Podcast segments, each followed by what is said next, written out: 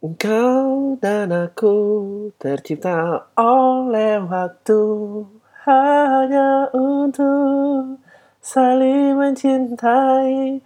Berada di pelukanmu mengajarkanku apa artinya kenyamanan kesempurnaan cinta.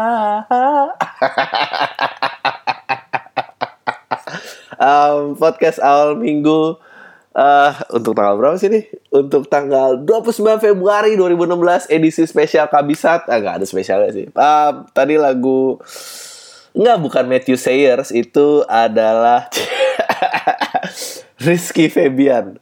Uh, kesempurnaan cinta ya. Anjir. Gue kan bisa kan? Gue bisa kan connect terhadap apa yang digemari masyarakat saat ini gitu yang berkualitas dan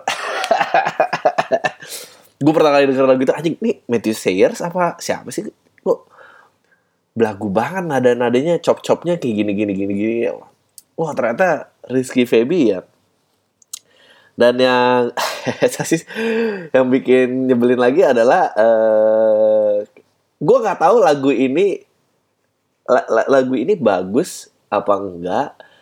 Uh, tapi yang jelas begitu lo tahu dia anaknya Sule terus kayak ya bener loh anaknya Sule bisa bikin kasihan banget ya. Maksudnya ya kan bisa aja bapaknya apa tapi anaknya gimana gitu. Apa sih Dri bapaknya apa? Anaknya gimana? Iya nggak tahu maksudnya Sule itu kayak udah mewakili suatu image apa gitu terus giliran eh uh, eh ini anaknya Sule. Orang jadi kayak oh ini anaknya Sule. Jadi lagu itu dapat nilai tambah. Sebetulnya misalnya nggak tau, nggak tahu sih gue gue tadi mikir kayak kalau nilai lagunya 7 tuh kayak kan 0 sampai 7 gitu. Oh nilai lagunya 7 nah begitu tahu anaknya Sule tuh kayak diukur dari minus 3 jadi ke 7 kan lumayan tuh 10 jaraknya. Tapi tetap sih 7 gitu.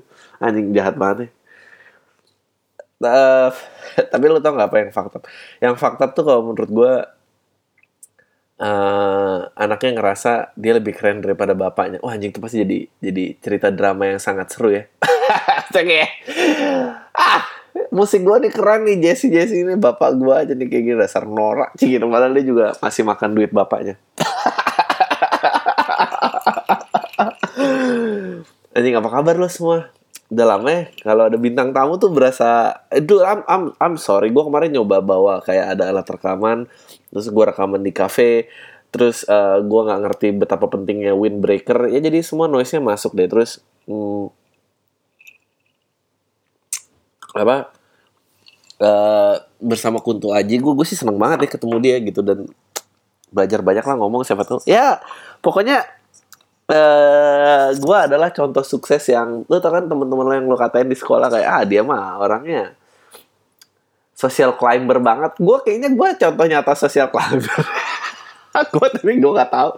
Maksud gue gue tiba-tiba dianggap pinter sama orang-orang yang nggak tahu kerjaan gue apa gitu. Tapi kayaknya mereka suka-suka jadi ya oke okay lah.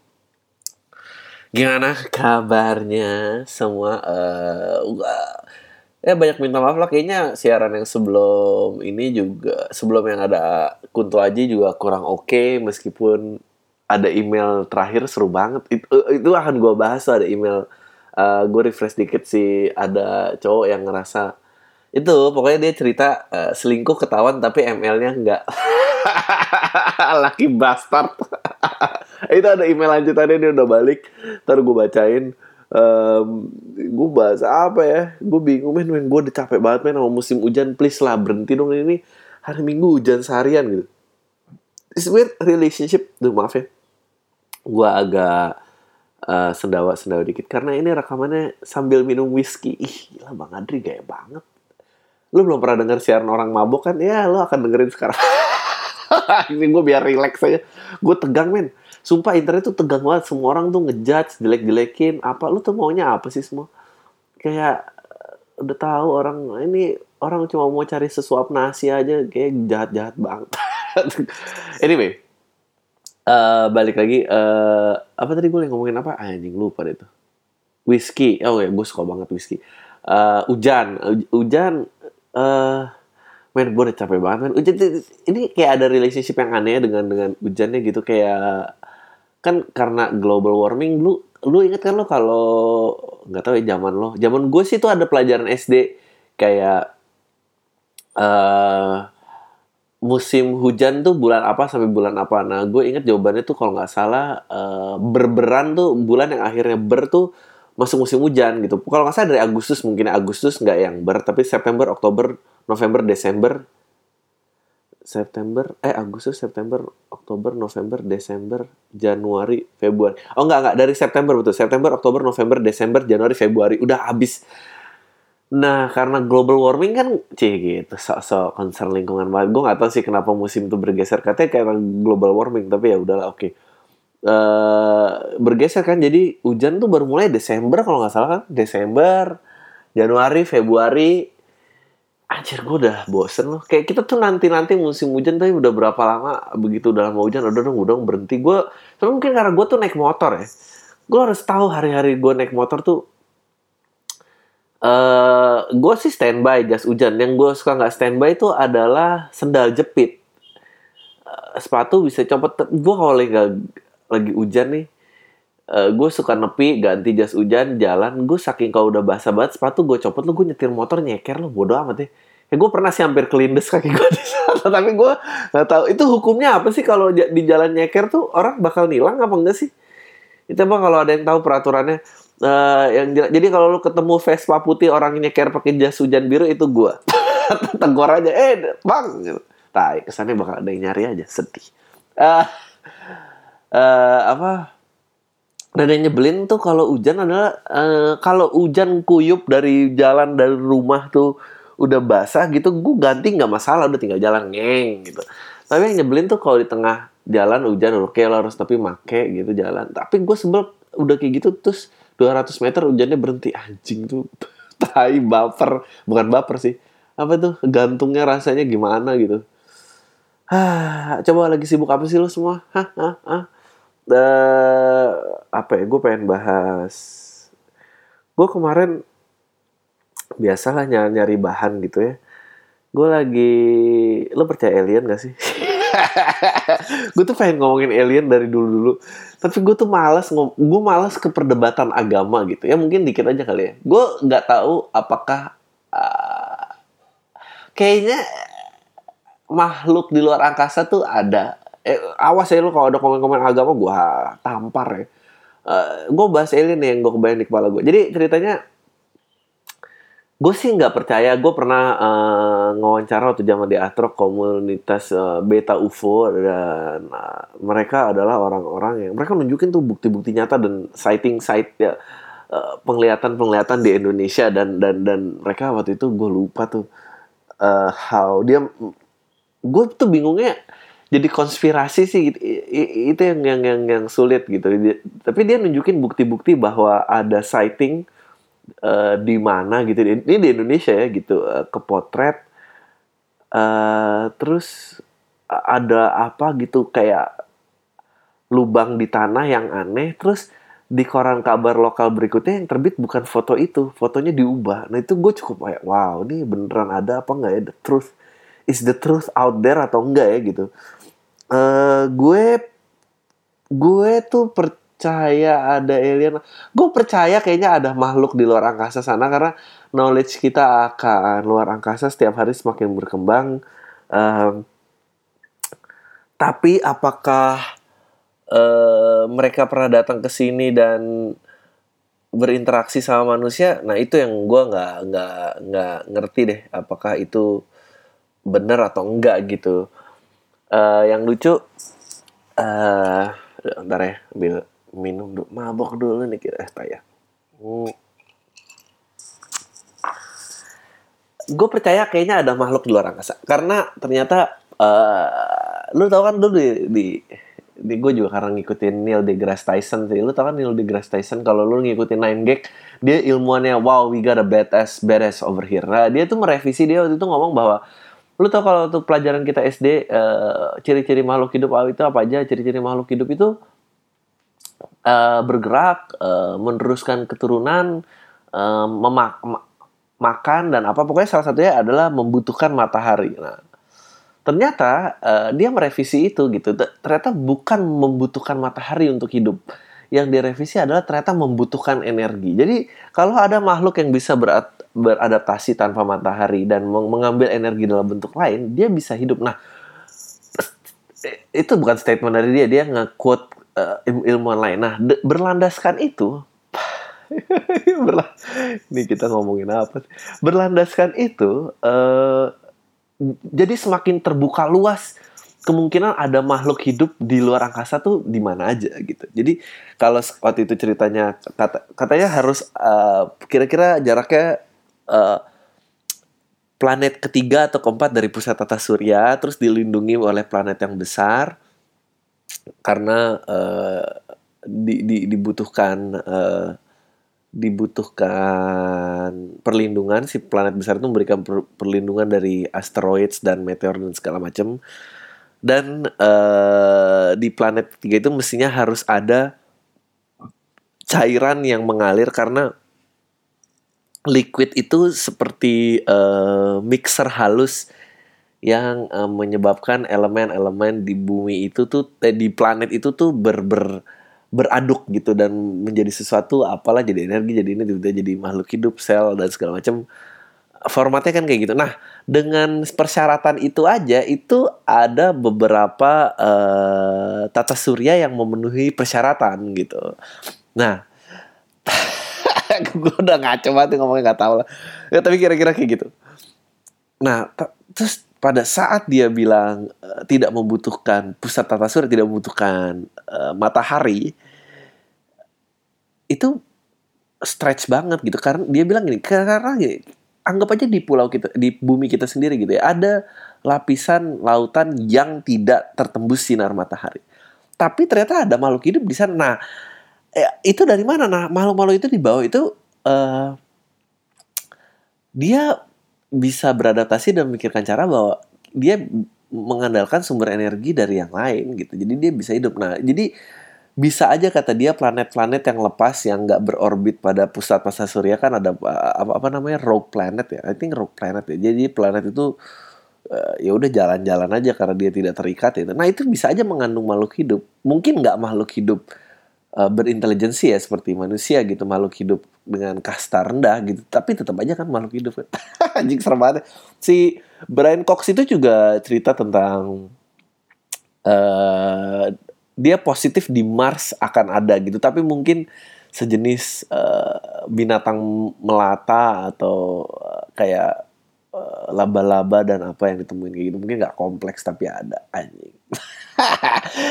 Argumen yang menarik. Nah uh, terus uh, teori besar gue gua nggak tahu tuh kalau kalau site gue percaya ada di luar. Tapi kalau misalnya apakah makhluk luar angkasa uh, yang intelijensinya tinggi pernah ke bumi dan berkali-kali dan ada saya nah itu, itu gue agak agak nggak percaya agak nggak percaya.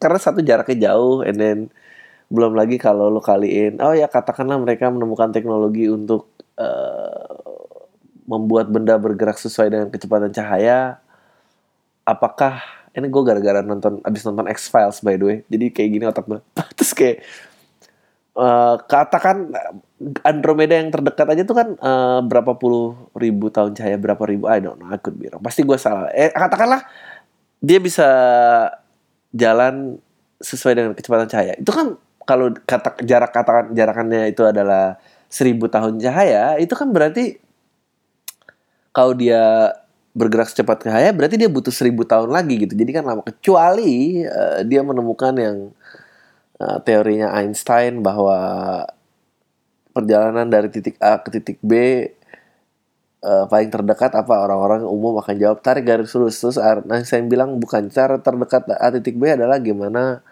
uh, kalau sebetulnya paling dekat itu kalau kertasnya dilipat gitu kan uh, which is dia membuktikan bahwa uh, dia percaya bahwa lu, ruang angkasa ini uh, adalah sebuah ruangan uh, dia sebuah space yang bisa default gitu karena uh, dia dia itu anjing emang orang gila sih. Soalnya dia percaya gravity itu da dapat membengkokkan ruang dan waktu. Jadi if if you came up with a, such a strong gravity pull, lu bisa membengkokkan sebuah ruangan sampai titik itu ketemu. Anjing, ya itu yang disebut warp zone. Aduh, I might butcher. Dan ada kan teorinya dia yang baru terbukti benar dia percaya bahwa uh, graffiti ini ada wave-nya gitu kayak sound wave atau uh, apa gitu. Dan dan dan baru ketemu kan kita cara ngeliatnya. Coba cari deh. Cik gitu. I think. Dan gue mungkin salah. Anyway tapi lumayan lah ngayal-ngayal dikit. Nah kecuali alien-alien itu menemukan cara itu nah baru tuh dia mungkin ke bumi. Nah lu lu pada nonton uh, Prometheus gak sih? Lu harus nonton Prometheus lu harus nonton Prometheus man itu itu film gila banget. Prometheus tuh dibikin uh, dulu ada film dulu zaman dulu Alien satu dua tiga. Nah ini Prometheus nih dibikin prequelnya lah makhluk-makhluk ini ada dari mana. Nah ceritanya yang keren adalah dari Prometheus ini. Kan lu tahu kan kayak uh, again ini gue nggak mau debat agama gue tampar tamparin jadi gini kan kalau agama kan tidak setuju dong dengan proses evolusi gitu kan. Nah, uh, bahwa manusia diciptakan sendiri, binatang itu ya itulah adaptasi dan segala macam jadi cabangnya banyak-banyak. Ini counternya ya kalau memang monyet berevolusi menjadi manusia kenapa sekarang masih ada monyet bla bla bla bla bla bla. Ya sebetulnya karena rantai dari monyetnya nggak cuma satu banyak gitu ya, ya oke okay lah. Nah kita berpegang pada yang ilmunya uh, ini kan yang akhirnya dipegang Azaz itu kan adalah uh, Darwin kan ya. Darwinis nih semua. Nah tapi jadi berlawanan nih. Jadi kita ngomongin uh, kreat kreatonis yaitu proses penciptaan itu yang biasa dianut oleh agama cik gitu. Satu lagi uh, evolusi proses evolusi. Nah yang lucunya manusia itu menjadi manusia itu nggak sepenuhnya semua bisa dijelaskan dengan proses evolusi. Uh, yang lucu tuh ada dua hal katanya uh, yang nggak bisa dijelaskan oleh eh sorry ada tiga kayaknya ada tiga jadi yang tiga yang nggak bisa dijelaskan dari evolusi adalah um, kenapa kita tidak berbulu kenapa kenapa otak kita besar sekali, kenapa kita berjalan tegak, oke? Okay? ini karena nggak ada kan yang berjalan tegak cuma kita kan katanya oh tadinya uh, monyet di atas pohon lompat-lompat nah lama-lama bumi, bumi berubah letak daratannya letak pohon semakin jauh monyet-monyet itu mulai turun ke rumput dan untuk menempuh uh, dari pohon ke pohon dia uh, karena rumput tinggi dia harus berjalan tegak untuk mengawasi mangsa dan kita jadi jalan tegak. Oke, okay. gitu ya. Nah, tapi yang nggak bisa dijelaskan adalah gini, gini. Uh, terutama di perempuan. Jadi gini, uh, kalau monyet itu kan uh, apa anaknya nggak bisa dilepasin dari induknya kan dari kecil kan dia nyengkram terus kan. Nah, uh, kak si monyet itu nggak nggak pernah bisa ngelepas tapi kalau karena anaknya nyengkram di badannya dan dia dan dia kaki dan tangannya uh, di tanah empat itu kan dia senjata untuk larinya masih ada. Nah, sedangkan kalau dia berdiri teg, jadi kalau ada mangsa dia bisa lari gitu, dia bisa lari, dia bisa apa, pokoknya dia bisa bisa mempertahankan diri. Nah, sedangkan kalau kita berjalan tegak, bayi itu harus digendong kan, bayi itu harus digendong. Pada saat kita berjalan tegak dan bayi itu digendong, sekarang kalau ada mangsa dia mempertahankan diri, dirinya gimana? Nah itu yang mulai kayak loh kok kan katanya evolusi semua about survival. Nah ini kok against uh, melawan prosesnya uh, proses untuk bertahan evolusinya gitu. Nah, jadi mulailah uh, manusia ini hidup berkoloni yang perempuan mulailah bergantung terhadap pria. Anjir ini gue nyerang feminis dan apa nggak ya? Udah bodo lah pokoknya dengerin aja lah nikmatin dan sambil ketawa-tawa sendiri betapa blow gue. nah, itu satu dia nggak bisa jelasin kenapa kenapa kita jadi berdiri tegak ya kan berdiri tegak kan uh, perempuan jadi kehilangan uh, cara untuk mempertahankan dirinya harus bergantung terhadap orang lain gitu, which is aneh gitu mesti bisa bertahan individual aja gitu itu nggak bisa oke okay, oke okay lah itu bisa dijelasin apa masih oke okay. nah habis itu otak kita kenapa otak kita besar banget no katanya kita dapat supply protein yang sangat besar katanya di, diet kita pertama uh, pada saat kita mulai uh, berubah kan kan intelektual makhluk tuh kan diukur dari kompleksitas makanannya kan. Kalau lo makanannya simple seperti rumput dan sayur-sayuran doang ya lo seperti sapi dan apa dan itu udah lo cuma sekarang itu. Kalau lo mau makan serangga lo mulai apa eh, karena proteinnya gede nah habis itu gue gue pernah bahas ini nggak ya. Ya pokoknya uh, dulu juga dis, uh, ditemuin uh, katanya uh, ada four subspecies. Ini ngomongin lagi makanan ya. For ada ini ini dan ini udah ketemu ya yang uh, jadi kayak ras manusia. Ras manusia itu bukan warna kulit tapi uh, apa bener-bener ras kayak ras anjing gitu. Jadi anjing semua tapi beda-beda. Jadi manusia itu juga ketemu katanya uh, kalau dilihat dari struktur tulangnya ada yang pemakan serangga ada yang pemakan satu lagi kayaknya pemakan uh, gue lupa lah dia satu lagi makan apa.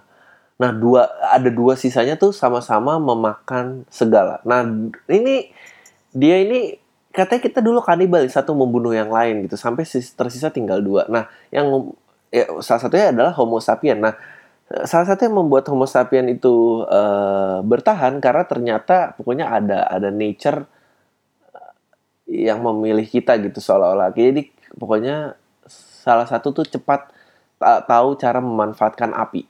Itu yang nggak dimilikin yang lain nah makanya akhirnya dia juga punah. Nah kita pada saat kita udah mulai makan cook meal uh, makanan yang dimasak otot rahang kita menurun kapasitas untuk otak berkembang itu besar. Nah pokoknya intinya asupan protein lah yang membuat otak kita besar. Nah katanya dulu diet diet pertama sebelum kita nemuin uh, api dan menemukan keahlian berburu yang kita makan adalah sumsum -sum tulang.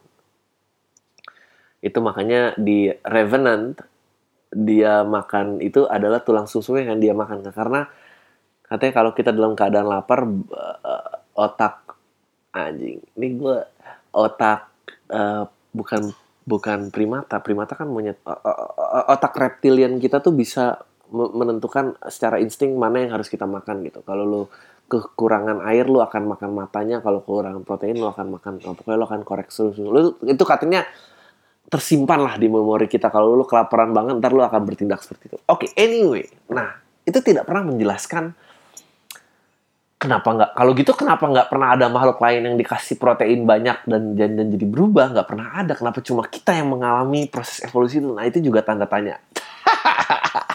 Anjing ini semakin panas. Nah yang lebih lucu lagi yang itu, kan tapi kan kompleksnya soal otak gitu ya.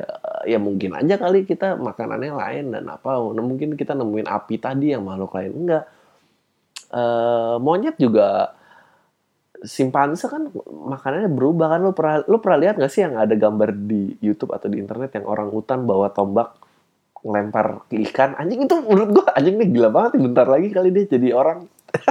Aku gak tahu juga. Ada deh pokoknya tuh cari aja. Nah, uh, tapi kalau gue tuh itu perdebatan gue nggak pernah bisa mentok. Tapi yang lucu tuh adalah uh, evolusi mentok di sini. Dan mungkin kreatonis tuh menang, sih. Kreatonis mungkin menang karena uh, pada saat dia yang lucu adalah argumen berikutnya adalah kenapa kita tidak berbulu. Nah, itu itu lucu banget. Karena kalau evolusi tentang survival tentang bertahan, kenapa kita tiba-tiba jadi botak gitu kan? Kenapa tidak kenapa kita cuma ada rambut di kepala gitu kan lucunya kan kita masih berburu binatang lain untuk bulu mereka jadi nggak make sense kalau kita asalnya monyet kita meninggalkan bulu kita nah satu-satunya ini nggak masuk akal sih tapi gue rasa satu-satunya jawaban yang tersedia kenapa kita seperti itu adalah ya kalau emang ternyata nenek moyang kita menciptakan kita seperti itu gitu. Somehow mungkin alien itu memodifikasi genetik di mana alien yang memodifikasi kita itu emang berjalan tegak, berotak besar dan tidak berbulu. ya, selamat malam. Sekian siaran terakhir dari podcast Al Minggu. Abis itu kita tapi lu makanya lo harus nonton Primotius. Jadi Kreatonis tuh mungkin menang, tapi ternyata yang nyiptain itu cingit alien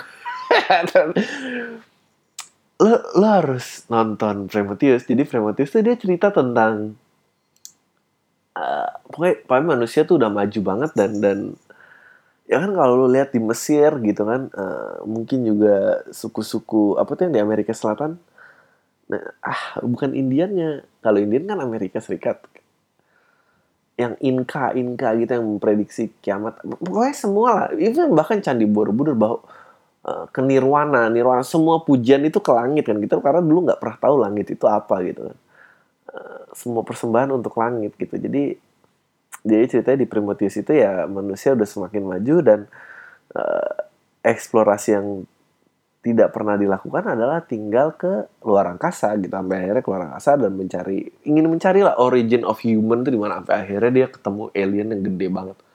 Nah, ternyata si alien itu mereka berargumen mereka ada dua alien yang bertentangan. Mereka kayak satu merasa kehidupan intelijensia itu harus musnah dari uh, alam semesta karena itu yang merupakan membawa uh, kehancuran bagi alam semesta. Karena ya uh, ya semua udah sering lihat kali ya di internet gitu kayak kita itu hidup kurang lebih berapa ratus juta tahun yang lalu dan uh, kalau dalam skala 24 jam manusia tuh baru ada di 10 menit terakhir atau satu menit terakhir gitu. Tapi kerusakan bumi itu udah 50% atau apa yang kayak gitu gitulah. Nah, nah alien itu juga punya argumen seperti itu. Uh, dia merasa uh, kehidupan intelijensi harus musnah ada satu lagi yang merasa kehidupan intelijensia itu harus berlanjut. nah dia jadi pokoknya uh, dia ngebawa tabung kayak a cocktail of cocktail of rangkaian genetika yang dia alirin di sungai. Nah akhirnya pokoknya planet itu meledak. Uh, pecahan-pecahannya itu jadi air hujan dan akhirnya jatuh di bumi nih. Cik gitu. Seru ya. Lumayan nih setengah jam ngomongin alien. sama gue abis ini mau ngomongin sama kemarin tuh gue abis dengerin anjing ini ngeri banget sih kalau zombie lo percaya nggak gue gue tuh gue tuh percaya nggak itu salah satu uh, eh, gue tuh pengen banget gue sangat gue sangat maniak film zombie uh, salah satu favorit gue itu adalah kalau yang bercanda itu Zombieland kalau yang serius itu kalau bercanda tuh Zombieland sama uh, aduh ada satu lagi film remake tahun 60-an itu adalah tunggu bentar. Sorry, filmnya remake tahun 1978. Ya, itu judulnya uh, Dawn of the Dead. Itu gue suka banget. Gue suka banget dan akhirnya abis itu dibikin uh, apa namanya? uh, dibikin Shaun of the Dead uh, lawakannya by aduh I like this guy juga nih siapa namanya tu tu tu tu tu si dua orang ini selalu bareng orang Inggris si Simon Peck sama Edgar Wright ya ya itu gue juga suka tuh uh, Dawn of the Dead tuh nenengin banget men um, gue sangat pengen tahun 2004 dibikin lagi jadi tahun 78 gue sangat suka uh, gue pengen banget terjebak di uh, kalau emang dunia kiamat uh, ada skenario kiamat gitu ya apokalips gue berharap menjadi uh, wabah zombie sih. Dan yang kalau film yang serius sorry satu lagi adalah World War Z itu juga keren banget. Zombieland by the way mau keluar sequelnya. Aduh lo ngomong bolak-balik banget. Selesai dulu satu jalur baru nggak bisa otak gue emang. Kayak gitu Um, ya jadi Zombieland mau dibikin sequelnya. World War Z juga kayaknya mau keluar deh sequelnya. Dawn of the Dead. Dawn of the Dead tuh ceritanya nyenangin banget cuma ya udah biasa lah tipikal ada wabah zombie terus dia cabut jalan ketemu orang terus berkumpul terus habis itu berlindung mau ke mall terus ke mall udah di uh, apa dijaga sama kelompok lain oh jangan jangan kasih masuk ntar kalau kasih masuk dia menyebarkan wabah kita itu. Ah, biasalah pertentangan itu dan masuk ternyata ada yang digigit bohong. Tipikal tipikal storyline zombie lah gue udah hafal. Um, iya World sih juga mau keluar gue berharap banget uh, apakah pertanyaannya jadi apakah mungkin skenario kiamat itu uh, dari zombie gitu? Jawabannya ternyata sangat mungkin Jadi gini, uh, Indonesia nih karena negara terbelakang ya, kita di masih diberkati dengan penyakit-penyakit abad-abad ke-17 atau 18 yang yang mestinya udah musnah di mana-mana. Tapi di Indonesia masih ada. Salah satu contohnya adalah uh, penyakit apa sih yang paling mendekati dengan perilaku zombie? Sebetulnya ada dua. Um, uh, ada dua satu adalah rabies penyakit anjing gila betul. Oh bagaimana bisa? Eh, men lu udah pernah lihat orang ini belum sih? Lu, lu nonton aduh gue itu pernah nonton uh, episode Criminal Minds. Cerita tentang uh, ada orang yang kena berusaha membawa virus rabies ke ke Amerika. Oh ini gila banget deh karena dia di dulu ceritanya berusaha dia dia pernah kehilangan adiknya gara-gara virus rabies. Jadi rabies itu rabies itu hanya um, bisa ditularkan oleh dari anjing ke ke manusia satu, satu doang gitu. Jadi ya udah manusia manusia kehilangan akal sehatnya dan itu nggak ada kalau nggak salah obatnya itu hanya bisa dikasih dalam waktu 48 jam atau 72 jam atau 10 hari pokoknya once lu miss the deadline that that's it. Dia dia udah nggak bisa ini. Dah Indonesia tuh masih ada rabies negara lain sih udah udah musnah. Tapi nah saya sayangnya ya sayangnya dalam artian uh, zombie bisa terwujud apa enggak? Itu tidak bisa ditularkan dari manusia ke manusia. Jadi manusia yang terjangkit eh, rabies itu tidak bisa gigit manusia lain jadi zombie. Nah kalau eh, jadi zombie, jadi rabies, kalau bisa itu zombie men, itu zombie. Kita cuma tinggal perlu nunggu virus itu bermutasi. Maksudnya kalau nggak pernah musnah kan itu bisa bermutasi ya. Atau berusaha dikasih vaksin ternyata vaksinnya salah terus virusnya jadi lebih kuat. Uh, itu jadi zombie. Gue berharap banget loh. Gue pengen banget kayak udah diseru, diserang gitu kayak kita berlindung di mall makan gratis apa ini ini sampai kelaparan akhirnya harus oh katanya di pulau ini apa gitu jalan nembak nembakin orang. Tapi agak susah sih itu emang emang emang skenario Amerika banget. Karena um, gue bener-bener mikirin ini kalau kita kejebak di mall eh, nggak uh, ada senjata men. Sedangkan kalau di Amerika tuh senjata dijual bebas jadi bisa ke 7-Eleven dan jual senjata gitu. Target lah paling nggak dia jual senjata tuh. Sekarfur karfur gitu nah itu jual tuh. Nah itu tuh yang kurang di Indonesia. Mestinya mestinya kita loh yang yang punya penjualan bebas akan senjata api. Karena rabies masih ada. Kalau misalnya satu rabies satu kedua uh, um, ini jijik sih. Uh, takso taksoplasma ya virusnya virus di tikus tikus itu kan ya yang nah taksoplasma tuh uh, apa dia merupakan brand virus kalau nggak salah yang membuat uh, orangnya juga tidak yang terkena tuh jadi nggak wajar. Tapi taksoplasma tuh hanya menyerang binatang kalau nggak salah ya. Dan kalau nggak salah kena di manusia bisa bikin tokso tokso sama taksoplasma tuh sama nggak sih? Sama kayak deh kayak itu. Kalau ke manusia kayak bisa bikin mandul dan apa tapi nggak jadi tapi yang yang geli dari taksoplasma adalah tikus-tikus yang kena kayak gitu tuh nggak acting kayak tikus lagi. Jadi dia uh, terprogram untuk menyebarkan virus itu sebanyak-banyaknya. Jadi tikus tuh kan lo tau kan kalau lihat tikus kan, eh tikus gitu tikusnya udah langsung lari kan. Kalau tikus yang terkena taksoplasma, jadi lu perhatiin ya di rumah. Kalau ada tikus yang lihat lo malah nyamperin lo, itu dia kena kena kena virus. jadi, jadi jadi dia, aduh geli banget sini tikus. jadi dia tuh nggak takut dan dia karena dia udah saraf di otaknya jadi dia nggak tahu gitu kalau eh, dan dia cuma diperintahin di otaknya kalau ada yang gitu dia harus dia harus nyerang dia harus nyebarin itu ke dia harus bisa menyebarkan virus itu ke ke tempat-tempat lain. Anjing ngeri ya? Iya ada yang namanya itu tau gak lo? Uh, ini lu ini lu bisa Wikipedia sih.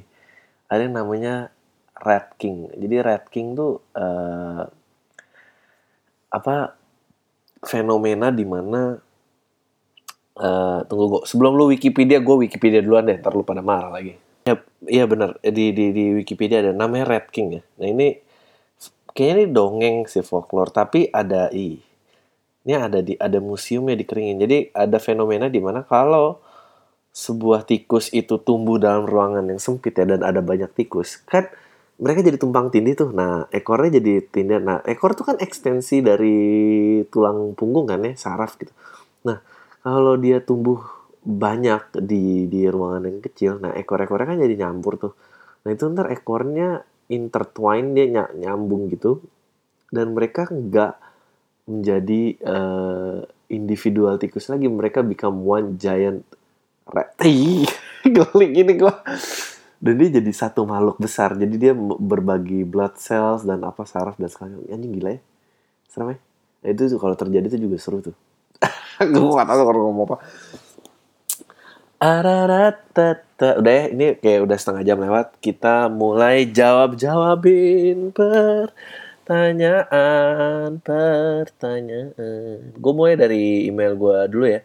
By the way, buat yang masih mau ngirim email, mau dibacain dan kita bahas, em, eh, kirim emailnya ke podcast awal minggu at gmail.com biasanya gue bacain namanya tapi kalau nggak mau dibacain ya lu tulis aja. Lu juga bisa tanya gue di SFM gue SFM gue Adriano Kalbi Twitter gue Adriano Kalbi. Kalau mau follow Instagram gue Adriano Kalbi.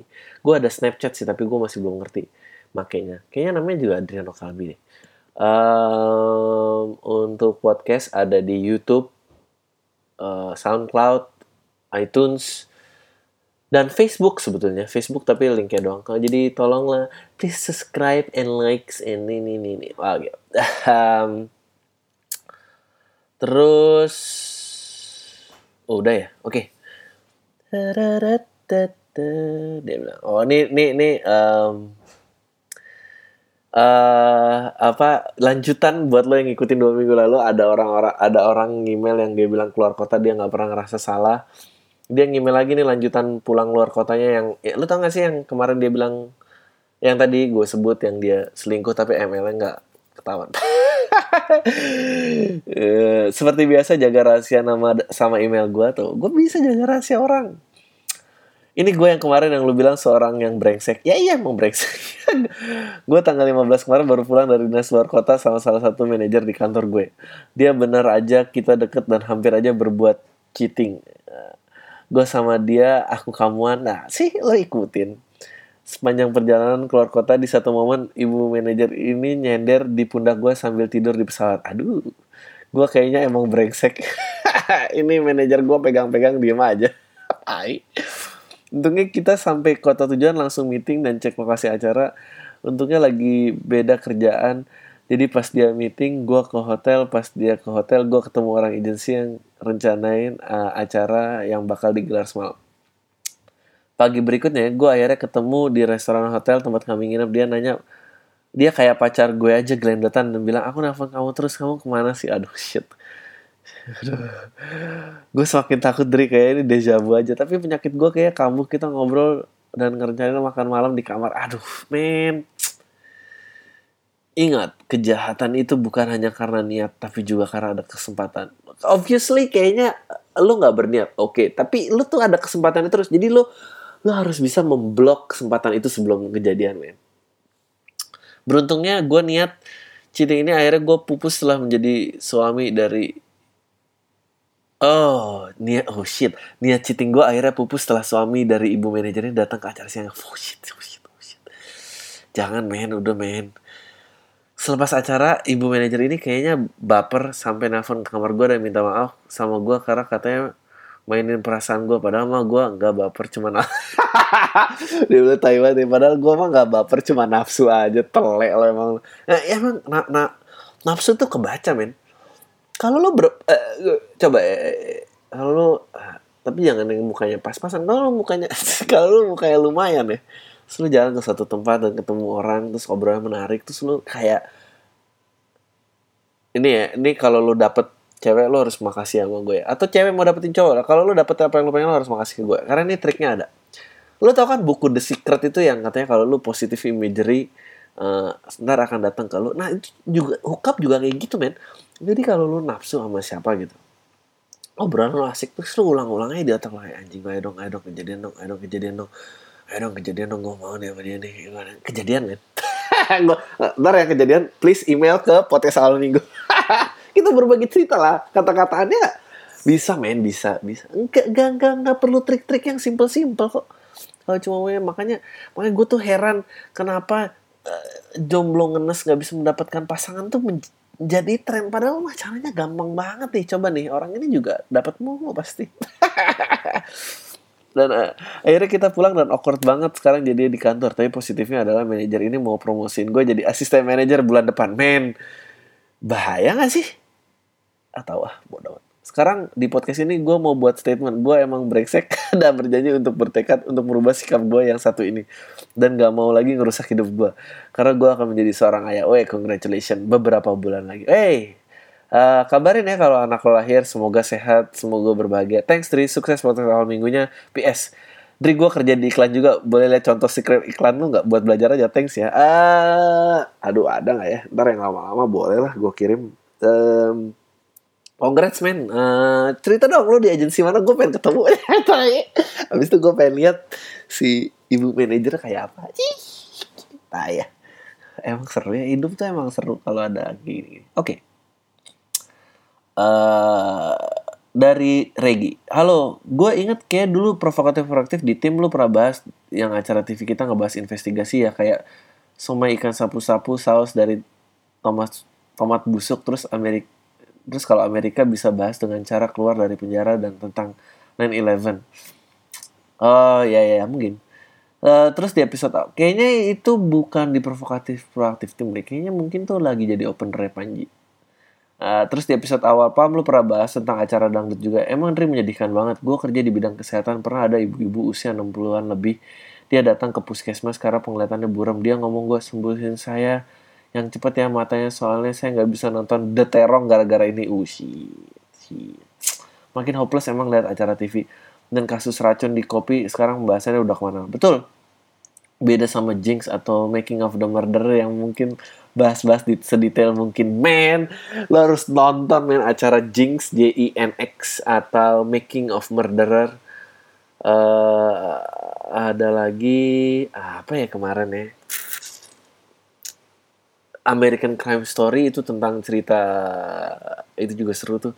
Itu kasus nyata kan uh, itu kasusnya People versus O.J. Simpson tuh juga seru uh, karena uh, ini sebuah pemain football di Amerika yang diduga membunuh mantan istri dan pacar mantan istrinya gitu. Tapi nggak ketahuan gara-gara kespin uh, karena waktu itu masyarakat udah lelah dengan udah udah nggak percaya sama LAPD dan akhirnya jadi kasus orang hitam lawan orang putih deh gitu. Padahal kayaknya kalau nonton itu kayaknya orang itu ngebunuh sih uh, Jinx juga tuh seru banget yang lo bilang. Gue suka banget Jinx. Uh, ada, ada seorang miliarder kawin tahun tujuh uh, tahun 82 ya.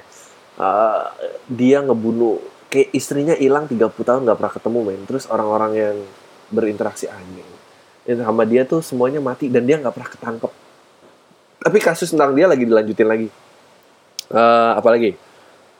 Ya emang itu sih gue seneng kayak mestinya orang tuh bebas ngomong dan ini waktu itu kaitannya kayak ngomongin tentang kenapa sih kita nggak pernah bisa bahas reflect yang hebat dari Amerika adalah mereka tuh bisa bikin sesuatu tentang dirinya mereka meskipun itu menyerang dirinya mereka gitu. Uh, eh, 9/11 ketabrak tuh banyak uh, sumber source of truth maksudnya mungkin belum tentu benar tapi ada beberapa sumber yang kayak oh kayaknya ini make sense ya ceritanya kayak gini. Kayaknya ini make sense ya. Meskipun tujuannya komersialisasi tapi mereka tuh bebas berbicara gitu. Itu yang gue suka bahwa sebuah bahasan tuh tidak menjadi tabu lagi gitu. Uh, semua menjadi bahasan gitu. Tidak ada hanya satu sumber kebenaran gitu. Kayak ya kayak kita kan nggak akan pernah buka tentang no, tahun 60-an nggak akan pernah dibuka tahun 98 nggak akan pernah dibuka nggak akan pernah dibuka deh gitu. Uh, uh, dan versi-versi analisa manusia biasa tentang itu akan dilarang. Nah, kayak podcast ini juga kalau ngomong gitu, kayaknya juga akan dilarang sih gitu. Kalau ini terkenal ya dan banyak sumbernya terus kayak semua orang look back gitu kayak oh tuh udah ngomongin ini, ini, ini. wah mati pasti ini podcastnya. Oh. Menkominfo soalnya uh, baru sampai Tumblr doang dia belum ke SoundCloud researchnya. oh by the way, uh, akan ada gig tanggal 2 April di Pongmi. Gua sama Aco akan main. Uh, tanggal 16 Rindra sama Sam akan main. Dan kita berempat kayaknya akan dijual eh, either digital download atau DVD-nya uh, nanti pada hanya untuk 100 orang ya kayaknya. Mungkin 100 sampai 150 hmm, ntar detailnya menyusul. Seru lah. Kita ketemuan lah. Cie gitu Anyway, anjir hujan lagi men. Bang, lo udah nonton Fight Club bang? Ya udahlah, menurut gue film itu lo banget. Uh, kalau udah nonton bahas dikit di podcast kayaknya seru. Uh, Fight Club, gue Fight Club biasa aja sih. Enggak deh, gue doyan. Gue suka Brad Pitt sama Edward Norton. Nah, jadi kayaknya Edward Norton. Oh, lo harus nonton kalau lo belum nonton. Uh, twistnya seru lah. Jadi cerita tentang bahwa uh, ya lu tipikal ngejalanin orang yang ikutin arus saja kerja dan segala macem terus lu mulai mikir anjing nih hidup ini buat apa sih? I'm just gonna do yang gue pengenin kayak gitu. Lu nonton uh, itu film twistnya gokil banget sih. Meski, uh, sebetulnya agak aduh tapi kalau gue sebut dia penyakitnya apa ntar lu langsung tahu. Tonton aja dulu deh. Anyway Muhammad aduh bang Zain gue di grup SMA kelas gue lagi rame minta ngisi petisi tolak LGBT gue antara bingung mau milih atau enggak. Jadi mendingan gue nanya dulu ke lo setuju nggak legalisasi LGBT uh, menurut bang Adri mana yang harus diberi LGBT itu pengidap atau LGBT-nya oh menurut bang Adri yang harus dibenerin dari LGBT itu pengidap LGBT-nya atau reaksi-reaksi orang normal terhadap LGBT makasih bang. Sukses terus spamnya. Uh, ini kayaknya gue tuh ag oh ini sebetulnya gue pengen ngomongin di stand up gue sih gitu. Uh, gue pengen ngomongin tentang mungkin ini harus jadi topik yang jauh kali ke depannya biar nggak cuma sepotong-sepotong karena uh, ini gue tandain lagi deh gue tandain gue akan bales kayaknya nih harus menjadi bahasan negara maju tuh apa sih kayaknya gue pernah bahas bits and pieces here and there tentang hak manusia yang akhirnya udah diterapkan di negara-negara maju gitu. Yang salah satunya adalah uh, hak untuk uh, assisted suicide ya bunuh diri yang dimonitor ya. Uh, kenapa boleh gitu? Karena ada penyakit-penyakit yang emang kalau kamu nggak bisa disembuhin dan makan dunia banyak biaya banyak dan dia secara individu sudah tidak mau berjuang lagi mestinya hak itu boleh buat dia. Uh, seperti juga lu gue merasa ada ada ceritanya loh. Uh, lu cari film You Don't Know Jack itu juga. Uh, itu bahkan Amerika belum bisa mengadopsi hak itu. Tapi hak itu udah ada kalau nggak salah di Eropa. Uh, karena ada penyakit-penyakit orang yang well, di situ dibahas ada orang yang ototnya berubah me menjadi tulang. Dan waktu itu di interview dia tinggal mulutnya doang yang masih berfungsi sebagai otot jadi dia masih bisa ngomong. Nah abis ini dia akan kehilangan ini. Nah abis ini terus dia mau apa? Pada saat situasi-situasi seperti itu sih menurut gue ada lagi uh, hak akan uh, eh, LGBT itu sebenarnya hak akan seksualitas kan gitu. Ada lagi uh, itu termasuk uh, di dalamnya adalah hak untuk mendapatkan seks. Uh, Belanda prostitusi itu udah legal karena salah satu cara untuk mengkontam uh, untuk mengkonten untuk mencegah penyebaran HIV uh, banyak banget juga di ya, tapi susah ya gitu. Uh, di kasihan gitu ibu-ibu rumah tangga yang nggak bandel yang bapaknya bandel pulang bawa penyakit nggak ada yang bisa bahas nggak fair gitu. Tapi landasan yang paling bisa yang akhirnya oh ya gue menerima itu adalah uh, argumen yang paling hebat itu uh, orang-orang difabel pun sebetulnya memiliki nafsu yang harus disalurkan tapi ternyata kita tuh masih manusia kita masih ada memandang manusia seperti kasta gitu. Kalau anak lu tidak difabel dan yang saat, ada orang yang difabel dan yang anak difabel tuh ngedeketin anak lo, lu pasti nggak mau. Lu hanya ngerasa, aduh gimana ya, gimana pun juga lu berat lah jadi orang tua. Nah terus kalau semua merasa seperti itu, uh, lalu lalu hak orang ini siapa yang mau menyalurkan? Makanya negara harus menyediakan secara profesional untuk orang-orang ini. Itu itu hebat banget menurut itu. Pemikiran yang ya lu mungkin boleh berdebat dan tidak setuju ya tapi jawabannya apa untuk orang-orang itu apakah orang-orang itu suruh menahan? Men orang yang normal aja juga nggak bisa nahan gitu. Um, argumen-argumen seperti itulah yang yang menurut gue sebetulnya tuh sehat untuk dibicarakan. Yang, yang kalau tentang LGBT ini sebetulnya juga tuh jadi sebetulnya in, selama tidak mencederai orang lain dan semua yang berpartisipasi itu berdasarkan persetujuan dan bukan paksaan sebetulnya orang lain itu tidak bisa terlibat sih. Belanda dulu juga ya memberikan jarum gratis dan untuk orang-orang yang ingin mengkonsumsi obat-obat terlarang tapi akhirnya itu dicabut gara-gara dikomplain sama negara tetangga karena negara tetangga pada mau ke sana dan pulang-pulang jadi junkie uh, tapi warga sendiri tidak ada yang mengabuse itu gitu uh, gue percaya dengan pendidikan mental dan pembukaan pikiran yang baik sih yang nanti tuh kita akan mencapai di titik ini. Nah, yang sulit dari ini adalah gue kayak pernah bahas deh, gue pernah nyindir. Um, katakanlah kalau kita lihat Amerika gitu ya, uh, ada beberapa pilar yang akhirnya udah runtuh. Uh, makanya hak asasi manusia yang lain tuh bisa diperjuangkan gitu. Contoh, perbedaan ras runtuh, uh, maskulin feminin runtuh gitu kan. Bukan lagi saya lelaki rumah ini tuh udah nggak ada. Makanya runtuh. Uh, pilar agama sebagai kebenaran runtuh. Uh, dan gue nggak bilang di sini agama sebagai hal yang jelek atau apa, tapi pada saat semuanya peraturannya harus balik ke situ, ya me memang akhirnya sudah habis ruang diskusi ya udahlah gitu berhenti gitu. Dan uh, menurut gua beragama pun juga hak untuk masing orang-orang masing-masing gitu nggak nggak nggak masalah gitu.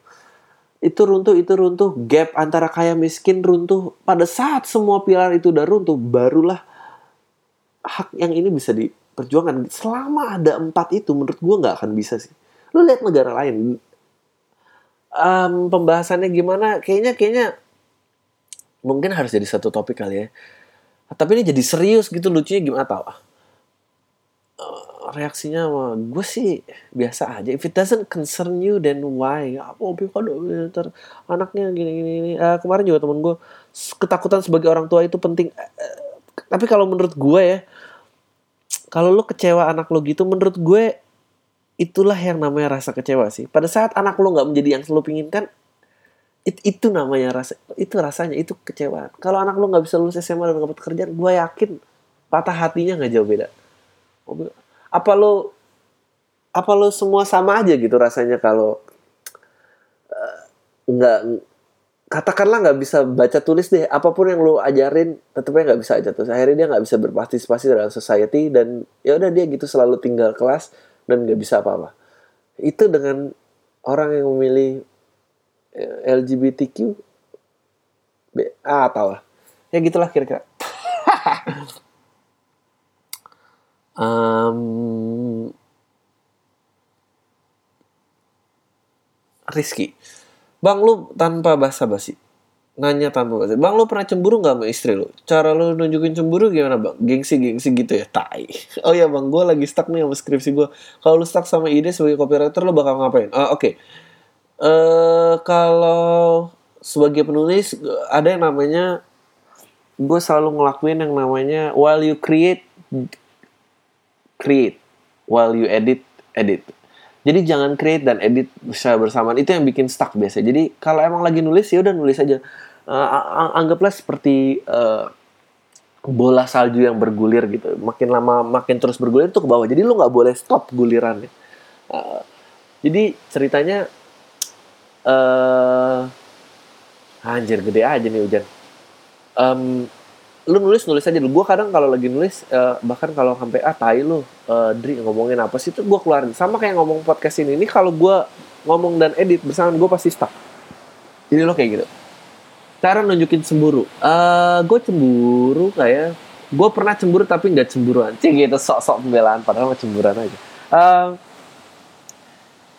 gengsi-gengsi enggak sih. Gue biasanya sekarang ngomongin dengan baik karena gue udah tua ya. Kalau kalau gengsi-gengsi tuh aduh belum berantemnya belum tebak-tebakannya. Gue nggak tahan sih sama tebak-tebakan. Um, biar uh, gue biasanya gue pakai uh, gue pakai gue balik gue balik gitu loh. Kamu pernah gini kalau misalnya dia uh, lo cemburu ada yang uh, nge-WhatsApp dia gitu terus lo karena kamu kalau ada chat perempuan WhatsApp aku kamu gimana rasanya?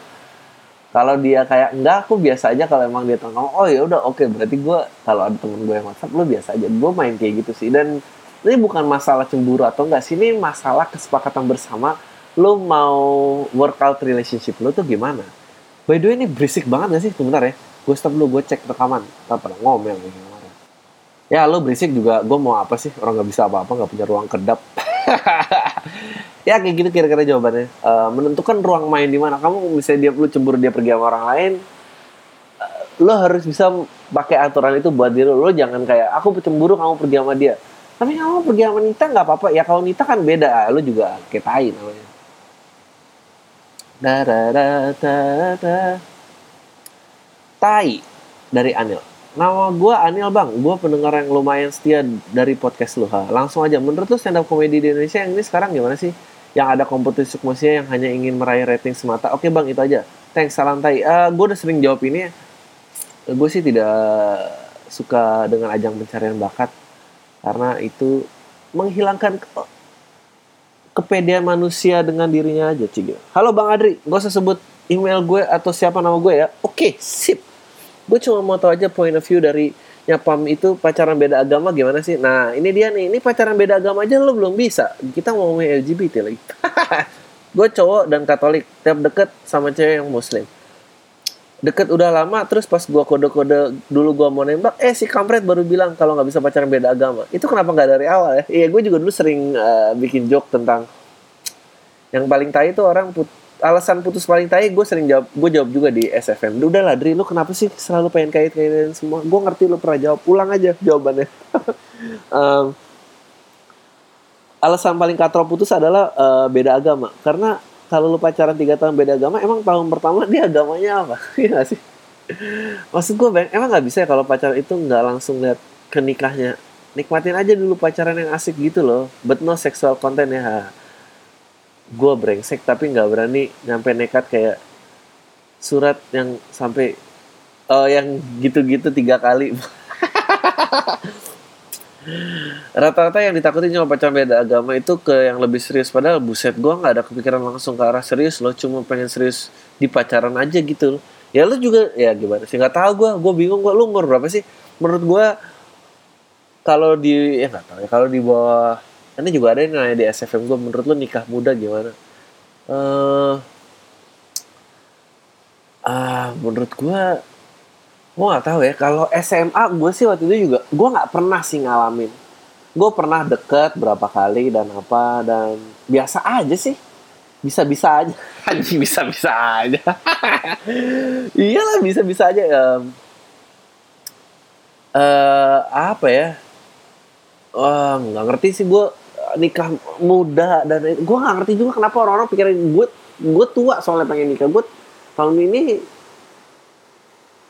gue baru 32 istri gue 30 tahun maksudnya emang udah ngelewatin itu gitu maksudnya uh, gue nggak pernah kepengen kawin muda uh, karena mental belum stabil temper masih ma marah-marah ngasih aduh banyak banget gitu ego masih gede banget PR-nya tuh banyak gitu dan uh,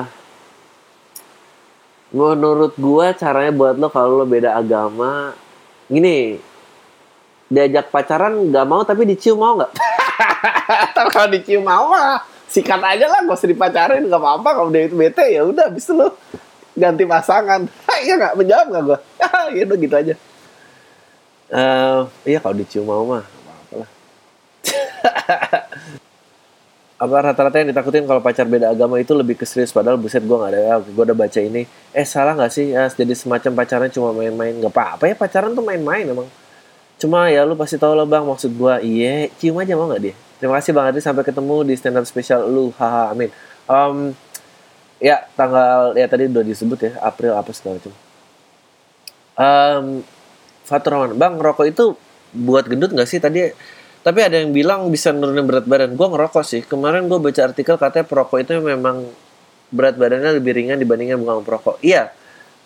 Uh, betul itu betul. Cuma lingkar pinggang perokok lebih lebar daripada bukan perokok ah gue nggak ngerti kasih tips dia dong bang kalau emang ngerokok itu buat perut buncit gue bakal usaha berhenti ngerokok deh thanks banget send from my iPhone uh, di apa namanya ceritanya ngerokok Kenapa ngerokok menurunkan berat badan? Karena ngerokok itu matiin saraf perasa lidah lo. Jadi lo nggak nafsu makan. Nah, makanya perokok tuh juga darah tinggi. Biasanya karena karena secara rasa lo mati lo makan sesuatu yang lebih asin lo lebih berasa. Karena kalau uh, gitu doang lo nggak nggak enak rasanya. Itu yang gue rasain sih. Gue setelah nggak ngerokok emang berat badannya naik. Uh, yang bikin buncit tuh menurut gue karena nggak olahraga sih. Itu aja. Uh, tapi kalau gue sih udah nggak suka yang ngerokok. Gue cuma suka cerutu aja sesekali. Uh, abis itu udah gitu. Um, um, iya gitu. Dia menurut gue olahraga aja men, men dengan dengan yang aktif itu ntar semua nyusul. Kalau lo olahraga lo nyesel lo akan ngerokok. Um, pada saat lo olahraga uh, lo mulai bisa ngedengerin ma ma badan lo dan lo mulai tahu badan lo pengen makan apa. Dan pada saat itu ngelakuin berarti diet lo juga terjaga. Dan kayak gitu-gitu deh. Pokoknya olahraga is the best. Dan gue udah lama nggak olahraga. Dan akhirnya ikut baru ikut gym lagi. Ah oke yang dari SFM gue ya. Bang gue mau move on dari mantan gue. Nah gue cabutlah ke suatu pulau sendirian. Anjing. Check in di pet sana sini dan setelah gue sampai pulau itu aduh maaf ya. Tutar tutar um, oke. Okay. pulau sendiri check in di pet sana sini dan setelah gue sampai di pulau itu mantan gue TB-TB uh, tiba-tiba sorry. Tiba-tiba nyamperin sendirian. Sedangkan dia udah punya pacar terus singkat cerita kita up lah. Ah sedap. Di pulau yang sendirian hanya kita berdua. Telanjang dan up tuh sampai telanjang apa enggak sih? Percuma lah kalau nggak telanjang mau ngapain? Ya gue sih bodoh amat sama pacar. Penting gue enak. Astaga. Astaga. Terus udah gitu kita bisa di bandara. Dia balik gue masih ngetrip ke pulau sebelahnya. Ah gue tahu nih tripnya pulau seribu pasti. Naik bandara nggak tahu gue tripnya mana sih? Ceritain dong. Yang tadi gue mau move on malah kepikiran soalnya dia yang so, soalnya cuma dia yang enak banget. Jir gimana ya bang? Gue masih ah norak loh. Ya lo maunya apa? Ini emang penyakit klasik penyakit cowok banget sih. Menurut gue ya. Kemarin kan dibilang apa tuh? Uh, gue pernah nyindir juga tentang masturbasi ya. Kalau menurut gue titik lelaki titik pikiran lelaki paling waras itu adalah uh, setengah jam setelah masturbasi itu manusia lelaki tuh pikirannya paling bersih sih.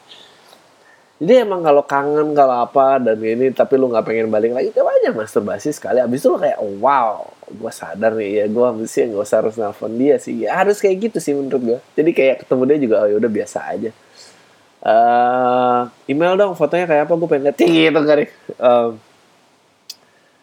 uh, apa lagi nih? Bang jawab di podcast ya. How to cope with insecurities. Ini nggak ada withnya. Semoga jawaban lo berfaedah. Tai lo thanks. Um, how to cope with insecurities. Ah man gue kayak pernah jawab deh. Um, kalau mau melatih kepercayaan diri lo jangan biasain menggantungkan approval persetujuan itu terhadap orang lain. Ah ini dia kenapa gue nggak suka talent search? Talent search tuh mengubah talent search tuh menghancurkan apa yang lo pengen lakukan di awal. Karena lo nungguin oh ya dia mungkin suka nggak ya? Dia nggak memilih ah, kebiasaan nyenengin pacar juga sebetulnya juga itu talent search dalam keadaan kecil ya gitu. Pasti nungguin oh ya dia oke okay nih dia setuju apa enggak dia ini. Um, cara ngelatihnya adalah lo cut off semua itu gitu. Uh, kalau lo insecure lo insecure akan apa? Uh, uh, insecurities apa sih biasa insecurities nggak bisa berbicara depan panggungnya lo uh, mencoba berbicara panggung tapi jangan mencari persetujuan. Coba aja dulu gitu karena itu lo melawan takut lu sendiri aja tuh udah berat gitu. Nah, apalagi kalau lu nungguin persetujuan orang lain lu nggak akan lu nggak akan pernah bisa uh, apa nggak akan pernah bisa maju gitu. Ya sama aja kayak lo misalnya lo insecure dengan permainan permainan gitar lo sering-seringlah berlatih sendirian gitu. Jangan apa-apa diposting dan apa-apa. Itu emang nih online nih era yang sangat gila menurut gue di mana uh, ya orang-orang yang mukanya biasa terus selfie banyak likesnya dia jadi punya hayalan yang enggak gitu. Nggak itu bener kan? Maksud gue rajin-rajin lah bercermin karena uh, lebih dan kurangnya ya itu lo dan lo harus aminin and move on from it uh, kalau enggak lo nggak akan. Karena lo kalau lo coba bercermin gak ada orang lain kan lo sebetulnya bisa lihat kelebihan lo apa kekurangan lo apa. Lo udah tahu itu gitu dan gak usah menonjolkan kekurangan lo dan karena di approve orang terus lo jadi ngerasa oh ini kelebihan lo. Enggak lo udah tahu kok dari awal lo tuh apa. Kayak gitu gitu lah. Uh, menurut kalian bercanda itu ada batasannya nggak kalau ada seperti apa batasan batasannya terima kasih. Ini by the way uh, gue mulai nggak tahu yang nanya biar cari gue jawab di podcast atau dia mau dijawab di SFM gue nggak tahu. Please uh, kalau mau dijawab di podcast bilang gue mau tolong jawab di podcast dong. Karena nih gue kayak anon anon gini terus gue bilang gue jawab di podcast gue jawab di podcast. Padahal dia bisa aja cuma nanya biasa nggak tahu podcast gue tuh apa sebetulnya. Eh, nggak uh, tahu gue punya podcast apa enggak ya nggak sih? Ted aduh enak banget nih udah sejam lebih gue ngomong aja mas ya the magic of alcohol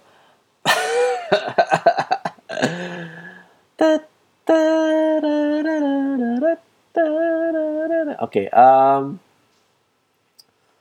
batasannya uh, eh, gue nggak tahu ya mungkin orang-orang beda-beda. Gue nggak berani bercandain tentang pemerkosaan.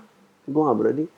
Gue nggak berani bercandain yang gua eh, nggak uh, punya pengetahuan tentang hal tersebut itu gue nggak berani. Kayak modal sotoy aja gue nggak believe gue nggak apa terus gue bercanda gue nggak nggak berani. Uh, tapi kayak tapi kalau ada tapi bukan berarti gue nggak bisa lihat kalau ada joke tentang pemerkosaan tuh lucu. Ya itu lucu aja. Menurut gue bisa dibikin lucu kenapa enggak gitu. Menurut gue di situ seninya sama kayak eh, sen, seni itu ya emang gitu gitu. Berusaha mendorong apa yang menjadi pakem-pakem gitu. Kayaknya tuh nggak deh karena kalau nggak dibicarain atau nggak dibicarain kan selama yang menjadi tabu. And I don't think it should be a taboo gitu. So harusnya diterusin aja gitu. Uh, uh, kalau batasannya kembali ke diri masing-masing tentang kenyamanan lo sih. Mau gimana gue nggak bisa atur buat orang lain. Ini bang menurut lo abang soal mantan yang nyamperin pacar buat ngobrol terus ngecek kayak wawancara buat tahu apakah si pacar cocok atau enggak anjing gimana? Gue temennya kayak gitu malah jadi masalah sampai bikin temen gue mau diputusin sama ceweknya. Kasian deh. Iya anjing lo omelin aja lah mantan lo. Kenapa emangnya karena aku lakuin biar aku tuh aku tuh masih sayang sama kamu. Aku mau pilih yang baik buat kamu. Terus lo jawab kamu lo tahu kan kalau kamu ngomong kayak gini kamu ngerti kenapa aku waktu itu mau mutusin kamu? Karena kamu tuh gila. Beneran itu menurut gue menurut gue bebas ya orang uh, tipe pacarnya kayak apa apa gue sih berharap cuma satu lo pasangan gue nggak gila itu aja. Gue gue kalau udah ada setitik tanda-tanda kegilaan kayak doyan bohong dan apa gue tuh takut loh. Sumpah. Um, Terus dia ada lagi nih yang terakhir. Gue capek banget gue, berbusa-busa. Bang mau tanya menurut lo abang hidup yang ideal tuh kayak gimana ya bang? Thank you. Uh, buat gue yang ideal, uh, buat gue yang ideal itu adalah gue ngerasa gue tuh orangnya pengecut aja. Gue berharap gue bisa hidup lebih berani gitu. Gue mikir apa langsung gue lakuin tanpa harus ada pertimbangan ini itu ini itu apa kata orang itu yang berat buat gue. Mungkin ideal gitu ya kayak Bruce Lee juga punya quote jangan pernah meminta kemudahan tapi mintalah keberanian. Pada saat kamu berani kamu bisa melalui segalanya which is fucking phenomenal. Bruce Lee tuh meninggal tahun berapa? Umur berapa ya? Dia 28 apa 32 28 nggak usah uh, dia udah mencapai titik kebijaksanaan itu yang luar biasa banget. Yang ideal gitu kali gue rasa. Ah gue berusaha nggak terlalu mementingkan uang karena terlalu banyak kalau butuh uang yang nanti gue takutnya semuanya tuh jadi bersyarat. Mau bahagia bersyarat mau punya anak yang uh, pinter bersyarat mau punya uh, pasangan yang cantik itu bersyarat uh, gue berusaha menjauhkan. Meskipun gue mengakui bahwa ya ya uang itu penting gitu. Uh, mau sehat itu bersyarat tapi kalau tidak pakai uang kan kita bisa pikir gitu. Kalau mau pintar ya bisa bisa pintar aja dia. Kalau mau kalau mau istri lo cantik ya carilah yang tidak terlalu menghitung uang. Cigila cukup bijaksana oke lah untuk nutup uh, podcast kali ini. Uh, thank you banget. Gua harap lu masih mau menyebarkan ini, masih mau setia sama gua. Eh, tai lu semua. Deh.